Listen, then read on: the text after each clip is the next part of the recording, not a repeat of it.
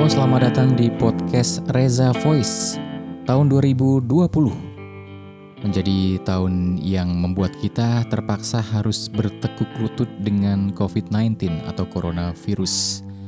Baik dari sisi ekonomi, dari stabilitas politik, sosial budaya, dan tentu saja dampak psikologis.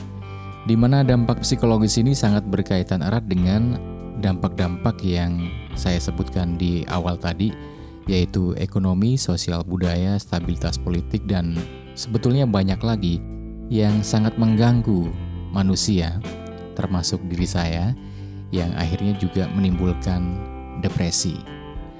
Dan di podcast Reza Voice kali ini saya nggak akan ngomongin tentang apa itu coronavirus, bagaimana menghadapinya dan bla bla bla bla bla, karena memang saya nggak punya pengetahuan yang cukup untuk ngomongin masalah itu. Jadi saya berusaha untuk nggak membuat sesuatu yang berkaitan dengan coronavirus ini malah menjadi semakin meresahkan, semakin rancu, semakin menimbulkan kebingungan dan hal-hal yang negatif lainnya. Jadi kali ini saya hanya ingin berbagi keresahan, siapa tahu atau bahkan saya yakin juga keresahan yang saya alami ini juga dialami oleh Anda. Karena apa? Karena tidak ada seorang pun yang mempunyai pengalaman dalam menghadapi coronavirus. Demikian juga dengan tidak ada satu negara pun yang punya pengalaman menghadapi coronavirus ini. Ngomongin tentang keresahan tentu saja itu kaitannya sama psikologis dan faktor psikologis yang akhirnya membuat kita stres di masa pandemi atau bahkan depresi. Kenapa saya bilang depresi? Karena ya saya akui saya sempat juga mengalami depresi oleh hal itu. Banyak orang yang depresi juga karena faktor ekonomi atau dampak ekonomi yang diakibatkan oleh coronavirus yang semua orang juga udah tahu, udah paham dampaknya seperti apa, di mana dalam masa-masa pembatasan karena menghentikan penyebaran COVID-19 ini mengakibatkan banyak perusahaan-perusahaan yang harus menghentikan operasionalnya. Di sisi lain banyak juga usaha-usaha yang harus terseok-seok atau bahkan berhenti roda perekonomiannya dan demikian juga dengan UKM-UKM yang harus survive karena marketnya yang nggak ada. Dan banyak hal yang berkaitan dengan dunia usaha yang terpuruk dari usaha yang paling kecil sampai usaha yang paling besar yang harus juga merasakan kebangkrutan di dalam usahanya. Ini menimbulkan satu persoalan yang membuat kita juga stres di mana pada saat kita harus work from home atau bekerja di rumah, tentu saja tidak semua orang mempunyai kesempatan atau bisa untuk bekerja dari rumah, di mana sebagiannya harus keluar untuk menggerakkan roda perekonomian atau membuat dapurnya tetap berasap, tetap ngebul. Ini adalah satu dilema yang kayaknya susah untuk dihadapi. Sementara saya yakin kalau diperlakukan secara ketat di mana kita memang harus lockdown dulu ada wacana lockdown, saya yakin pemerintah nggak cukup punya uang untuk menyuplai kebutuhan pokok dari orang-orang yang memang harus berdiam diri di rumah. Ini salah satu persoalan yang penting juga yang harus um, kita sama-sama menyikapi. Itu baru dari persoalan ekonomi. Dari persoalan stabilitas politik menciptakan um, dampak stres yang juga luar biasa. Tapi nanti saya akan cerita keresahan saya tentang stabilitas politik. Yang lebih utama mungkin saya ingin menyampaikan keresahan di bidang sosial budaya. Bagaimana kita bersosialisasi, apalagi di era teknologi informasi, di mana semua orang di saat pandemi ini seolah-olah menjadi ahli gitu kan seolah-olah mempunyai pengetahuan yang cukup atau bahkan pengetahuan yang luas mengenai virus corona atau COVID-19 ini. Padahal nggak semua orang atau bahkan nggak seorang pun yang memahami secara detail awal-awal terjadinya pandemi ini. Kita bisa lihat sendiri di dalam media sosial atau bahkan di WhatsApp grup. Untung saya nggak banyak ya bukan nggak banyak lagi memang nggak um, ikut WhatsApp grup lah ya yang di situ banyak menyebarkan informasi-informasi yang di-share secara serampangan dan kebanyakan hanya untuk memicu keresahan di masyarakat. Dan ini juga ada kaitannya dengan dampak ekonomi yang pertama tadi. Misalnya dengan adanya informasi-informasi yang kita lihat di media sosial, kemudian ada beberapa hal yang membuat sesuatu menjadi nggak masuk akal. Misalnya, misalnya adalah di awal pandemi ada kelangkaan masker yang ternyata oleh para spekulan ditimbun dan dijual lagi dengan harga yang fantastis yang yang saya bilang sih nggak masuk akal ya harganya. Ini menciptakan juga keresahan dan stres tersendiri. Nah, ngomongin lagi tentang tadi bagaimana kita bermedia sosial atau bahkan um, komunikasi sosial kita secara langsung di masyarakat dengan berbagai asumsi, dengan berbagai kengeyelan-kengeyelan, dan pendapat-pendapat atau sikap-sikap yang nggak berdasar yang membuat kita juga menjadi stres atau bahkan ada kemarahan di sana. Salah satu contohnya adalah himbauan untuk sholat berjamaah di rumah, bukan di masjid. Artinya ada usaha untuk menjalankan bagaimana kita menghambat penyebaran virus corona di dalam sebuah kerumunan. Tapi nyatanya yang kita lihat ada banyak orang yang menentang hal tersebut. Ya, mungkin ada beberapa hal yang perlu dicermati. Pertama adalah sebetulnya kita nggak perlu ragu lagi untuk mengikuti um, himbauan itu karena ini di, dikeluarkan oleh majelis ulama, kemudian ormas-ormas Islam besar seperti Nahdlatul Ulama dan Muhammadiyah dan beberapa um, pihak lain yang ikut menghimbau hal itu. Bahkan di Arab Saudi pun di Mekah juga mengalami pembatasan dalam uh, kerumunan dalam beribadah. Kalau saya pribadi sih, saya nggak merasa perlu harus menjelaskan kepada mereka apa pentingnya dan harus bagaimana protokol kesehatannya. Enggak, memang enggak perlu menjelaskan apa pun terhadap mereka, tetapi ada hal yang mengganjal gitu loh, ada ada ingin menjelaskan, memberikan klarifikasi atau memberikan pemahaman kepada mereka, tapi ya nggak bisa karena kita juga nggak mempunyai dasar apa pun mengenai ilmu agama misalnya. Ditambah lagi dengan hal-hal yang berkaitan atau pengalaman atau pengetahuan di bidang virus corona ini. Jadi yang ada hanyalah dongkol aja dan itu menimbulkan stres, kemarahan juga. Kita mungkin melihat hal-hal yang diberitakan oleh media, baik itu media mainstream yang legal atau lewat media sosial di mana seolah-olah kita dilarang sama sekali untuk beribadah di masjid atau di tempat ibadah lainnya. Artinya di sini adalah ada sentimen agama. Padahal di sekitar saya nggak nggak se ekstrim itu juga ya. Maksudnya orang masih boleh juga yang yang ingin atau punya keyakinan untuk beribadah berjamaah di masjid ya silahkan aja nggak ada yang melarang juga asalkan dengan protokol ataupun kalau misalnya dengan tidak protokol juga ya kita bisa apa gitu tapi yang diberitakan di media adalah pelarangan-pelarangan orang-orang sampai dikejar oleh aparat, dilarang sampai lompat pagar untuk beribadah di masjid.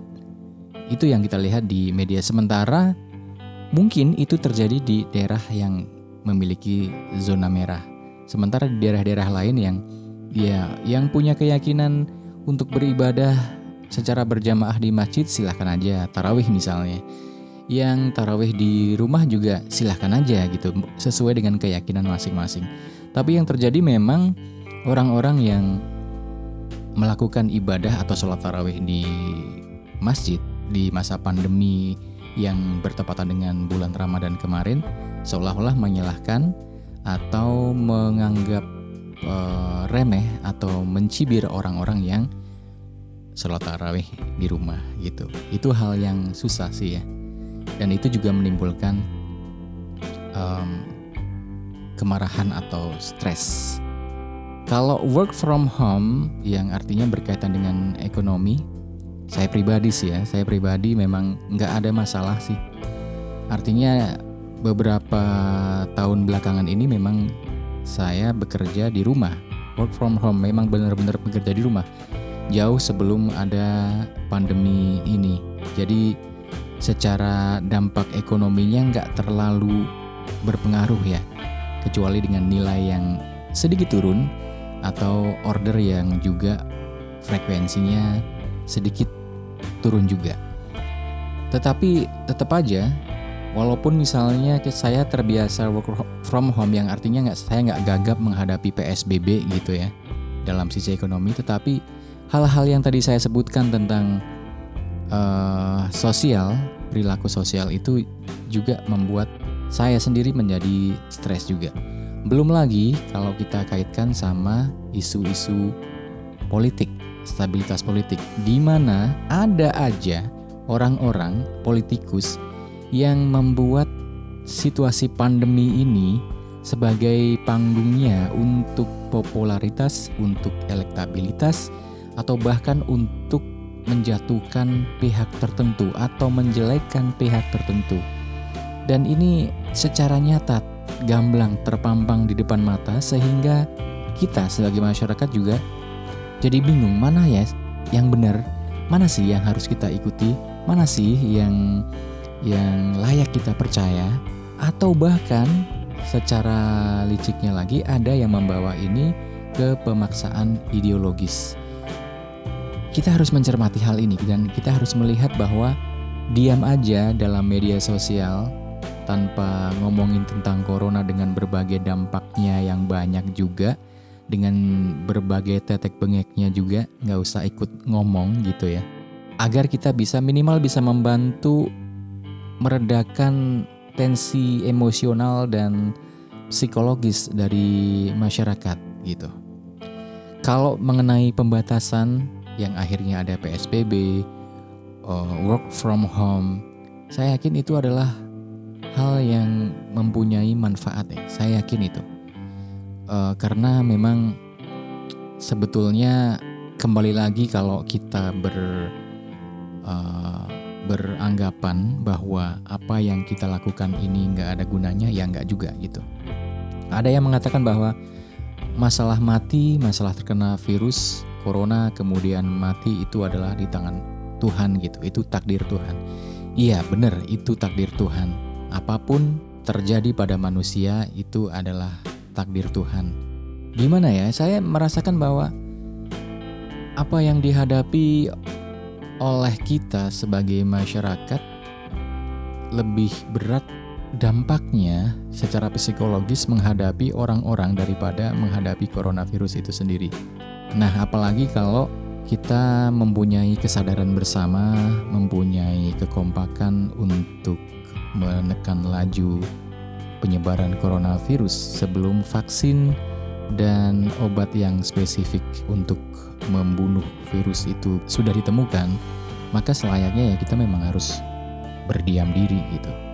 Berdiam diri di rumah kalau nggak terpaksa amat dan berdiam diri di media sosial, men-share atau berbicara mengenai coronavirus ini karena nggak ada manfaatnya sama sekali kalau saya bilang. Sekarang ini PSBB sudah mulai dilonggarkan menuju transisi ke yang namanya new normal life. Dengan rajin mencuci tangan, eh, menjaga social distancing, menjaga jarak, kemudian makan yang teratur, istirahat dan olahraga yang teratur dengan intensitas yang tidak terlalu membebani tubuh kita dan pakai masker. Saya yakin dalam penerapan new normal life ini tujuan utamanya dari pemerintah adalah bagaimana membuat roda perekonomian berputar. Saya yakin itu alasan utamanya. Karena kalau roda perekonomian terhenti, ya udah kita ada masalah lagi yang lebih serius daripada coronavirus. Jadi ada banyak dampak yang terimbas kalau misalnya perekonomian harus terhenti atau roda perekonomian berhenti berputar. Jadi kalau saya bilang sih kalau memang ekonomi kita harus bergerak, maka bergeraklah. Tetapi dengan waspada dan dengan new normal life. Karena yang saya lihat sih ya, kalau pas saya keluar itu melihat banyak orang yang seperti euforia. Keluar di jalan, kemudian beraktivitas seperti yang sudah-sudah sepertinya dalam pikiran mereka beranggapan bahwa ini semuanya sudah berakhir, padahal belum. Virus corona atau COVID-19 masih di atas angin, masih belum bisa kita kalahkan. Strategi kita hanyalah defensif, bertahan, dan tidak ada strategi menyerang karena vaksin belum ditemukan. Demikian juga dengan obat yang bisa menyembuhkan serangan coronavirus ini. Jadi kembali lagi dengan apa yang tadi dibilang bahwa mati itu urusan Tuhan. Seharusnya kita berpikir bahwa bukan untuk diri kita. Kita menjaga uh, jarak sosial, bekerja dari rumah dan tidak berada dalam kerumunan atau tidak keluar rumah kalau nggak penting-penting banget, kita melindungi keluarga kita. Kalau kita yang mati, tertular virus corona kemudian mati gitu ya. Mungkin ya udah permasalahan selesai bagi kita. Tapi bagi bagi keluarga bagaimana? Mereka harus diisolasi selama sekian hari, kemudian tidak boleh berinteraksi dengan banyak orang pada jangka waktu tertentu dan banyak imbasnya. Itu yang pertama. Yang kedua, kalau misalnya kan ada nih orang yang tertular tapi tidak memiliki gejala karena imunitas yang tinggi, disebut dengan OTG atau orang tanpa gejala. Dia sendiri terasa sehat-sehat aja. Tetapi kita punya orang tua yang udah tua misalnya, yang rentan atau sangat beresiko dengan tertularnya COVID-19 atau adik kita, anak kita yang masih balita yang juga rentan tertular virus ini. Kemudian, amit-amit ya, mereka kemudian uh, terkena dan meninggal. Bayangkan seperti apa seumur hidup kita akan menyesal hanya karena kita ngeyel untuk keluar rumah.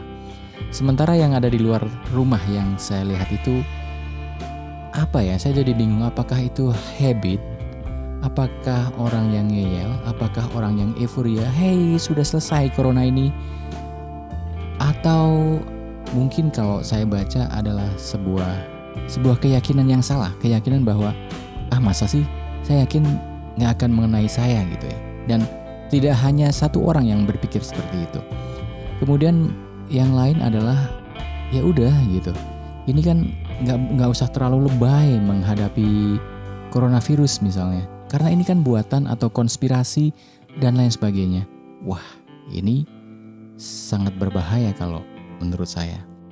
Sekali lagi ingin saya bilang bahwa itu menimbulkan depresi sebetulnya bukan faktor COVID-19-nya sendiri tapi imbas dari pemikiran-pemikiran masyarakat dan stakeholder pemerintah dan banyak pihak lainnya yang membuat kita simpang siur dan membuat kita stres.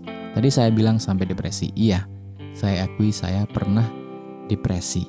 Yang artinya dalam masa pandemi itu depresinya berupa kecemasan akan hari esok, ketakutan akan hari esok, ketakutan akan anomali cuaca misalnya.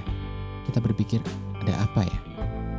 Jangan-jangan coronavirus ini hanya sebagian pengawal saja bahwa ada sesuatu yang uh, sesuatu yang lebih besar daripada itu cuaca nggak menentu gitu atau bahkan hal yang indah pun membuat saya pernah menjadi uh, sebuah keganjilan misalnya hujan saat terik matahari itu hal biasa kan jadi ada hujan tetapi matahari bersinar gitu dan setelah itu ada pelangi yang muncul. Itu adalah sebuah keindahan, tetapi bagi saya yang eh, stres dan depresi menghadapi pandemi ini, Saya merasa itu sebuah keganjilan, merasa itu sebagai hal yang aneh dan menakutkan sampai sebegitunya. Jadi yang saya putuskan di sini adalah meninggalkan media sosial. Susah juga untuk menyikapinya. Salah satu atau satu-satunya cara untuk bisa menghindari itu adalah ya udah puasa dulu dari media sosial. Itu kalau kalau saya sih ya. Jadi semua itu akan bisa menenangkan sedikit pikiran kita. Karena kalau stres katanya bisa menurunkan imunitas tubuh yang dikhawatirkan akan semakin rentan membuat tubuh kita ditulari oleh apa pun itu. Misalnya virus dan virus pun virus apa pun itu. Jadi memang yang kita lakukan bisa kita lakukan hari ini saat ini adalah dengan uh, metode defensif karena sekali lagi belum ada vaksin yang bisa mencegah itu, mencegah penularan atau mencegah adanya coronavirus. Kemudian belum ada obat yang bisa menyembuhkan kalau seandainya kita tertular atau terjangkit coronavirus. Caranya adalah sedapat mungkin di rumah sedapat mungkin kita nggak perlu keluar rumah tetapi dengan adanya new, normal life yang sedang akan berjalan ini ya udah bergeraklah berputarlah roda perekonomian tetapi dengan penuh kewaspadaan dengan menjalankan protokol-protokol new normal life Mungkin salah satunya adalah dengan rajin mencuci tangan, menghindari kerumunan, menjaga jarak, dan memakai masker. Dan di rumah, istirahat yang cukup, kurangi stres, dan berharaplah. Berharaplah ini menjadi hal yang penting juga bahwa meskipun masih terlalu lama kalau menurut ahli vaksin dan obat spesifik penyembuh corona bisa ditemukan bisa 6 sampai 18 bulan tapi mudah-mudahan akan bisa segera ditemukan dan yakin akan segera bisa ditemukan dan berpikirlah masih banyak harapan yang bisa kita kembangkan. Terima kasih udah dengerin podcast Reza Voice kali ini. Mudah-mudahan di durasi yang panjang ini kita bisa menarik satu hal. Minimal penyadaran bagi diri saya bahwa please tetap berada di rumah. Please jaga jarak dengan social distancing. Dan kalau ekonomi kita harus berjalan dan hanya bisa berjalan dengan beraktivitas atau bekerja di luar rumah, taatilah prosedurnya dengan new normal life dan waspadalah. Terima kasih udah dengerin podcast Reza Voice. Sampai jumpa di podcast Reza Voice edisi berikutnya. Sampai jumpa.